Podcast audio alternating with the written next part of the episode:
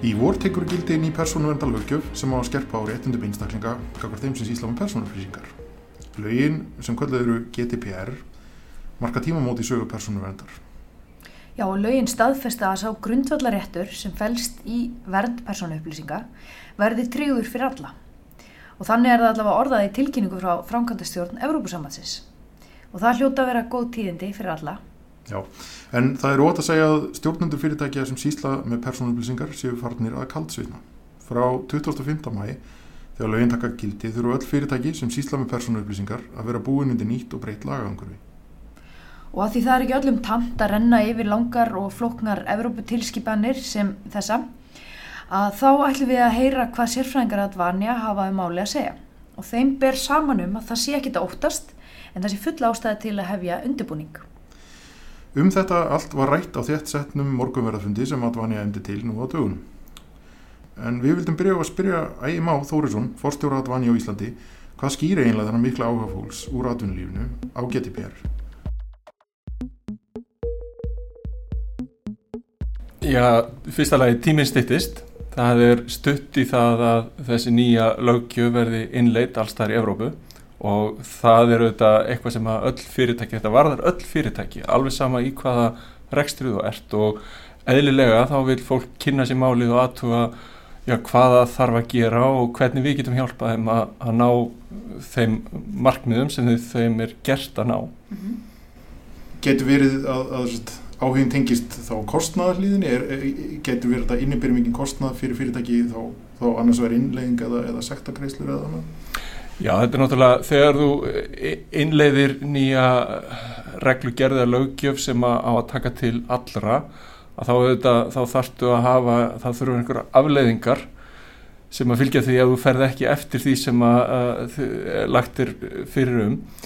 Og í þessu tilfelli þá eru geta sekta greiðslur orðið mjög háar alltaf 4% af glóbal veldu fyrirtækja í tilfelli Advania þá, þá myndi það vera, vera ef, ef að væri farið út í uh, allra hæstu sektakreisli við myndum brjóta þessa lögjöf að þá væri við að horfa á yfir miljard í sektakreislu þannig að, að hérna, bara til að setja, þetta í eitthvað samhengi. Þannig að, að eðlilega þá, þá hræðir þetta pínlítið og, og fólk vill Ég held að það sé ekki, kannski ekki engungu það að, að fólk hérna, sé, sé að óttast sektargreislunar eitthvað sérstaklega. Ég held að almennt sé vilji fólk bara hafa þetta í lægi. Mm. Áttum okkur því að, að sko, svo persónuleg venda lögjöf sem að þessi lögjöf er að taka við af var í raun og veru smíðuð fyrir tíma Google, Facebook, Twitter og allra, all, allra þeirra byltingar sem hefur farið í gegnum allra síðustu árum. Þannig að, að bara, þessir miðlar voru hreinlega bara ekki til meðferð persónu upplýsinga var þar á leiðandi auðvitað ekki hugsuð með það fyrir augum að, að þessi miðlar væri þann og við þekkjum alveg veist, þessar hryllingssögur sem, sem að koma upp annars slæði það sem að er brotist inn og, og, og hérna, persónu upplýsingum er, er, er stólið og, og þær eru notaði gegn fólki og annars líkt þannig að, að þetta, er, þetta er bara þetta er sko algjör þjóðþrjáma mál að, að koma þessum málum á betri stað þegar við setjum inn upplýsingar um okkur sjálf inn, á, inn, á, inn í upp og inn í vefsvæði og, og þurfum aldrei að, að borga fyrir það nótkunn á þessum, þessum, þessum hérna, síðum eða uppum eða eitthvað álíka. Að eins og menn segja ef, ef, ef þú ert ekki að borga fyrir nótkunna þá ert þú sennilega varan. Og, og þá eru það þínar upplýsingar sem er, eru, eru verðmætin. Þetta var Ægir Már Þórisson, forstjóri Advanja En við okkur ætlar að ræða Kristján H. Hákonarsson en hann er örgistjóri fyrirtækisins og er að búa bæði Advanja og viðskiptavinni þess undir nýtt lagangrufi. Já, við byrjuðum á þessu verkefni fyrir svona kannski rúma ári síðan og, og svona bara byrjuðum bara að kynna okkur lögjöfuna og síðan fyrir verkefni að stað hérna í sumar, eða það er segið vor og þá er, svona, er þetta svona formaliserað og, og, og settur saman verkefnishópur um þetta hérna, kortleika það hvert við erum að fara og hvað við ætlum að gera. Og, og það sem við erum akkur að stöðja í augnablikinu er það að, að ná yfir sín yfir það nákvæmlega hvað Advania er að gera. Þannig að við erum í þessu kortleikingafasa akkurat eins og er. Og í hónu fælst að, að við, við vitum sem, sem Advania hvað Advania er að gera. Mm -hmm. og við erum að veita ímiðskona þjónustu og, og hérna, við erum okkar innra IT og, bara eins og hvert annað fyrirtæki svo erum við með einhvers konar skíja þjónustur þar sem, sem við erum sannarlega e, ábyrðaðil og erum að mögulega að safna einhverjum, einhverjum gögnum. E, og, og síðan erum við að, að, að svona ná áttum í, í því e, hvað við erum að gera fyrir viðskiptafinni og hvert okkar hlutverk er þar. Mm -hmm. og hvort að við erum hvort að við komum að vinstu upplýsingar eða ekki. Þetta er svona aðeins þetta er mjög víðtæk hugtök. Vinsla upplýsingar er rauninni næri alla snertingar á persónuöflýsingum frá því að vera til og þanga til þeim er, þeim er eitt, eða það er hver voru heiminn. Þannig að til dæmis ef við förum í þjónustu út í fyrirtæki og höfum þar aðkomið einhvern veginn að einhverjum persónuöflýsingum mm -hmm. að, að þá getum við flokkast sem, sem vinslu aðili og verið að taka þátt í þeirri vinslu með því fyrirtæki. Þannig að, þannig að, þannig að við höfum klárlega mjög marga snertifleti við gögn og við gögn hjá viðskiptavinnum mm -hmm. og, og, og það, er, það er það sem við erum að kortleggja núna. Viðskiptavinnir að dvanja, þeir sem er að sísla með gögn, eh, hvað þurfa þeir að gera til þess að vera í stakkbúnir til þess að mæta þessari, þessari nýju persónavendalöggjaf? Þeir þurfa að fara, svona, þetta er svona svipu vegferð sem allir þurfa að fara í. Það er reyni, bara að byrja á að fá svona yfirsýn. Mm -hmm. Það er átt að segja að er maður að vinna einhver persónu greinanleg gögn og kannski fyrst byrjuði að skilja það hvað er persónugreinir gögn og hvað er vinsla og allt þetta. Uh -huh. fá svona þennan, þennan skilning á megin hugtugunum í reglugjörðinni sakar ekki að lesa hana en hún er undir mikið torf og hérna þannig að það geti verið jáfnvel gott að fá bara einhverja stutta kynningu frá lögfræðingi e, hérna, um, um, hérna, um innihald hennar, svona efnislegt. Að, að þá ættir svona nokkur nokkur að leggja fyrir er kjarnastarfseminn vinsla upplýsinga eða er kannski vinsla upplýsingar bara keistlur í, í launakerfi? Og þarna er runni heiminn og haf en það, það þarf að átta sig á þessu.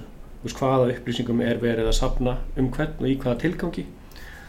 Og það þarf að setja saman eh, svo kallega vinslusgrá þar sem þetta á að koma fram. Þannig að hvaða, hvaða vinslur er verið að gera og í hvaða tilgangi uh mhm. -huh. og með hvaða heimild það er gert. Og, og þessi heimildum getur komið úr lögum bara lögin krefjast þess Ég, það er bókarslög sem krefjast þess eða einhver önnu lög sem að, sem að gera bara kröfum þá og gerir, að þú skráir upplýsingar um einstaklinga. E, það getur verið samningur, til dæmis um þjónustu. Ef þú er til dæmis viðskiptafinni hjá símafélagi að þá e, sapnar símafélagið upplýsingum um símanótkunðina mm. til þess að geta sendt reikning. Þannig að, þannig að þeirri rauninni, heimildin er þá e, fælst í því að, að til þess að uppfylla samningi við þig eða þjónustuna og þá verði ég að sapna á hverjum upplýsingum. Þannig að það getur verið semst lög eða það getur verið samningur í viðskiptunni eða ef það er hvoru þessar að þá í rauninu verður maður að afla samþykkis og, og, og þá verður það bara að vera mjög skýrt eh, hérna, eh, að þú verður að leita til hvers og eins, einstakling sem sapnar upplýsingum um og fá hans samþykki fyrir söpnuninni.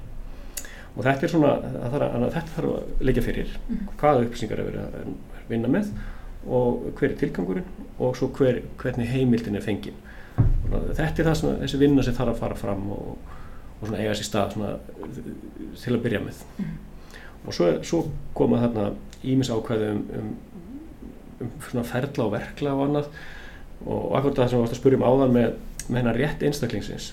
Hvernig ætlum við að uppfylla það? Þarna, það eru þarna einhverja sex greinar sem að, að tilgrina réttindi einstaklingsins til hins og þessa fá hérna, réttindans til þess að fá að vita hvað, hvað, hvað upplýsingar eru maður skráðar og, og jáfnvegulega að fá afritaðum eða flytja þar á milli þjónustöðaðila eða að gleymast eh, eða að hann getur gert aðdóðasemtir við, við vinsluna að, að einhvern veginn verður að einhvern veginn verður ekki að tekið á móti erindum og svona afgriðta þannig að við, við þurfum einhvern veginn að koma á svona innviðum til þess að tryggja þessi réttindi. Mm. og þetta þurfa allir að gera sem er að vinna. Þannig að þetta er ekki bara þannig að fyrirtækin eigi bara núna að í raun og veru bjóða þegnum sínum að samþykja eitthvað heldur á sko viðskiptaveinurinn þar að segja bara einstaklingarnir. Þeir eiga líka rétt á að hafa eitthvað innspill inn í þetta nýja samkómulag sem þarf að gera þá núna. Já, það er, það er akkurat þannig. Og það er það sem fælst í þessu réttundum að, að þú ætti einhvern veginn að, að, að geta nýtt þau. Mm annars, ja, annars er það ekki réttindi. Og, og við erum alveg til að sjá svona hvað, sko, hvað afleggingar þetta hefur mun, mun allur almenningur sópast að hérna, fyrirtækjum og, og fara að krefjast þess að, að, hérna, að gögn, gögnum verið eitt eða, eða fá, fá að vita hvað, hvað gögn er geimt eða svoleiðis. Uh, við veitum það ekki. En það sem að ég held að tólkun á, á þessum lögum að hún verði nú svo að, að, að það sé hægt að, að, að gera svona kröfur það er að segja einstaklega geta að gera svona kröfur meðan svona eru innan skynsalega marka og þú veist, það er hægt að verða við þeim. Og það þarf eiginlega bara hver fyrir sig að skoða svona sína þjónustur og, og svona pæli þessu. Bara hvað getur komið upp? Ef einhver að neyta rétta síns eh, hvernig mun hann koma og, og, og spurja mig veist, og, og, og hvaða kröfur mun hann gera til mín? Og get ég árið við þeim eða hvaða sögur ég að veita? Þannig að og það er svolítið þetta sem þarf að er bara svona holdt og gott að gera núna. Það getur átt verið margir aðalega sem að svona hafa, með höndum upplýskarsofn og, og vinslu skýri löggjöfin einhver, einhvern veginn úr ábyrð ólíkra aðalega í þessum efnum þar að segja, eða er það eitthvað sem við eigum eftir að þurfa að sjá koma upp sem álitamál, þar að segja hvar hýsingar aðalinn ber ábyrð og hvar vinslu aðali ber ábyrð og, og, og, og þeir sko, þetta er enda nokkuð skýrt. Já. Og eh, sem, sem betur fyrir er, er þetta bara tvö hlutverk sem er mér ræða. Og það er, það er sá sem að hefur frumkvaði af því að, að sapna upplýsingum.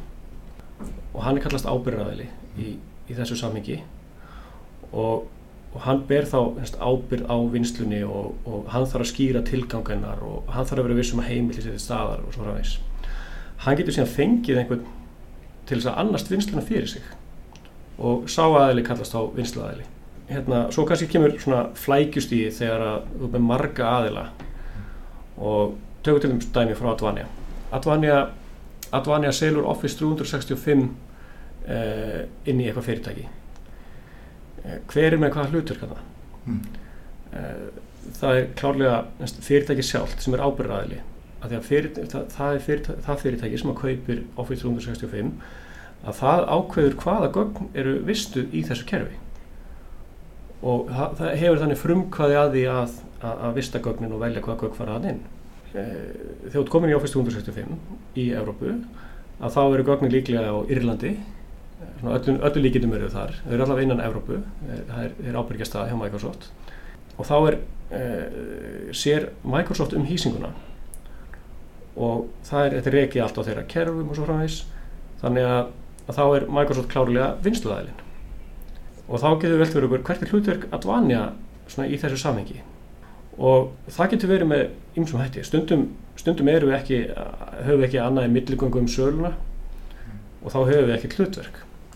Eh, stundum, eh, stundum er það þannig að, að, að við byrjum ábyrð einhvern veginn á rekstri á umhverfnu og þá komum við inn og við erum að kannski að stofna notendur og við erum að koma inn og forrita eitthvað eða búa eitthvað til og svona leiðum við komum inn í reksturinn þá erum við mögulega farin að snerta eitthvað þessum upplýsingum sem eru á nynni og ef, ef að svo staða getur komið upp að upplýsingar sem eru inn í Office 365 getur orðið okkur aðgengilegar að þá verður við svona að velta fyrir okkur hvort að við erum ekki komið með þetta hlutverk vinsluaðila og ættum þá að gera e, svona vinslu samning og, og bara gera það formlegt að við séum vinsluaðili í, í þessu samningi en svona getur þetta verið, þetta getur verið flókið og þetta getur verið, núna er, en það er bara einn ábyrðaðili en svo getur verið keðja fyrir aftan hana vinsluaðilu og það eru bara allir þeir sem að einhvern hátt, eins og það er að segja að snerta eh, gögnin á, á líftíma þeirra.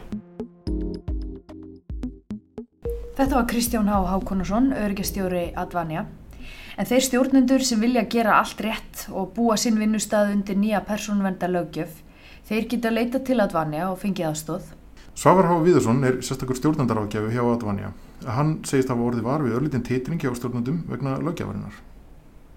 Já, það er mikið rétt að fyrirtækin og stjórnendur eru svolítið ráðveldir og jafnvel óttastlegnir stundum um hvað er að fara að gerast því að það er búið að vera talsvert mikið svona hræðslu áraður í gangi og er, ég er búin að fara í gegnum það hérna að, að róa fólk svolítið niður og þetta er reynda sama og ég er búin að gera gera síðastlega ári í Nóri og þá er upplagt að, að hérna, tala við okkur og, og nota þá mína reynslu í þessu sem hef farið þá alla þessa leið þessast frá aðtilu og það sem að ég sá þegar ég kom heim frá Nóri að það vantaði á markaðinn ákveðna vöru eða þjónustu sem er þannig uppbyggð að, að við getum haldið í höndin okkar viðskiptavinum alla leið. Mhm. Þannig að við komum ekki inn og segjum hérna já þið þurfið þessa tæknilausn og það leysir allt, þetta er alls ekki svoleiðis. Og eh, eins og hefur svolítið verið hérna að þau fyrirtæki sem hafa verið í þessu hérna, bæði lögfræðingar og, og stóru rákjaða fyrirtækin þau eru ekki að fara alla leiðina með sínum viðskiptavinum, þau eru bara í í byrjuninni þar sem þau eru að vinna eða benda á þessa vinslu skrá sem er hjartað í, í hlýtinguna og lögunum sjálfsögðu þannig að það er að fara að taka, taka þetta á high level. Bara ná yfir svona helikopter view hvernig þetta lítur út. Og, og taka þetta út frá því Sest, vinna þetta þannig að sjá hvernig upplýsingarnir eru að koma inn, hvernig er unni með þær. Og bera það þá saman við löggjöfina og sjá hvort við erum að hlýta þeim og þá bregðast við þeim áskonum sem þurfum að, að hérna, standa fram með fyrir og þessum breytingu sem þurfum að gera. Þannig að viðskiptavinnir Advanja sem að eru að reyna að fylgjast með og setja sig inn í þessa nýju lögjöf, þeir geta sett sig í sambandi þig eða fyrirtækið og, Mhm. og fengi svona ákvæmna þjónustu. Já, þess, eins og þetta fer fram að þá kem ég til okkar viðskiptavina og, og síni þeim svona ferlið hvernig þetta og flæðið hvernig þetta fer fram og það sem ég geri þar er að ég sem sagt, hitti þá það stjórnendur sem að viðegandi og fer yfir bara hvernig þetta lítur út og svo myndi ég eh, sem sagt, halda þessa möppuna fundi með þeim þar sem við erum bara að mappa ef vinsluna hvernig hún lítur út og svo myndum við taka eh, framhaldið sagt hvort að þurfa að fara í einhverjar breytingar á ferlum eða, eða hvort að einhver tæknilust myndi svo henda í kjölfarið. Á þessum morgunverðarfundi sem var hérna í morgun, eh, þá kom orðið svona ferlar rosalega oft fyrir og ég heyrði að þú varst rosalega hrifin af góðum ferlum. það segði mér aðeins af Algjörlega. hverju það er svona mikilvægt við innleðingu á, eða sem sagt, í þessu ferli þegar fólk er að gera sig búið undir nýja persónundi löggjöf. Mm. Já, þetta er eitt líkilatriði sem er farið í gegnum að það er verið að skoða ferlana og hvort það sé einhver breyting þar á. Uh, Málið er það að þegar maður vinnum með ferla og hugsa þetta út frá, frá þeirri nálgun að virðið liggur í ferlum fyrst og fremst. Sem sagt, ef maður tekur einhvern feril og sér einhverja brotalum þar á, hvort maður getur stittan eða einfaldan eða, eða gert hann rafran eða hvað sem er, að það eigur virðið í rauninni og leiðir til rekstrarhjálpkvæmni. Það, það gerist óhjákamilega þegar maður er að þessu að, að þegar maður skoðar raunin þannig að sérður einhverlega hvernig þú ert að vinna Mm. og, og hvaða sásökapunktar eru í virðiskeiðinni og það er svo mikið sem að þú græðir rauninni á þessu að, fara þessa, með, með þessum augum eða setja á sig eh, línhattin eða eins og ég geri að skoða ferla út frá því hvaða ferla gefa virði og hvaða ferlar eru nöðsynlegir en gefa ekki virði. Og svo hvaða, hvaða ferlar eru sóun og henda þeim það út í kjölfari því að við erum að fara í þessa vinnu hvort þið er. Mm. og þannig að við erum í dauða færi til þess að, hagra það í, í vextjum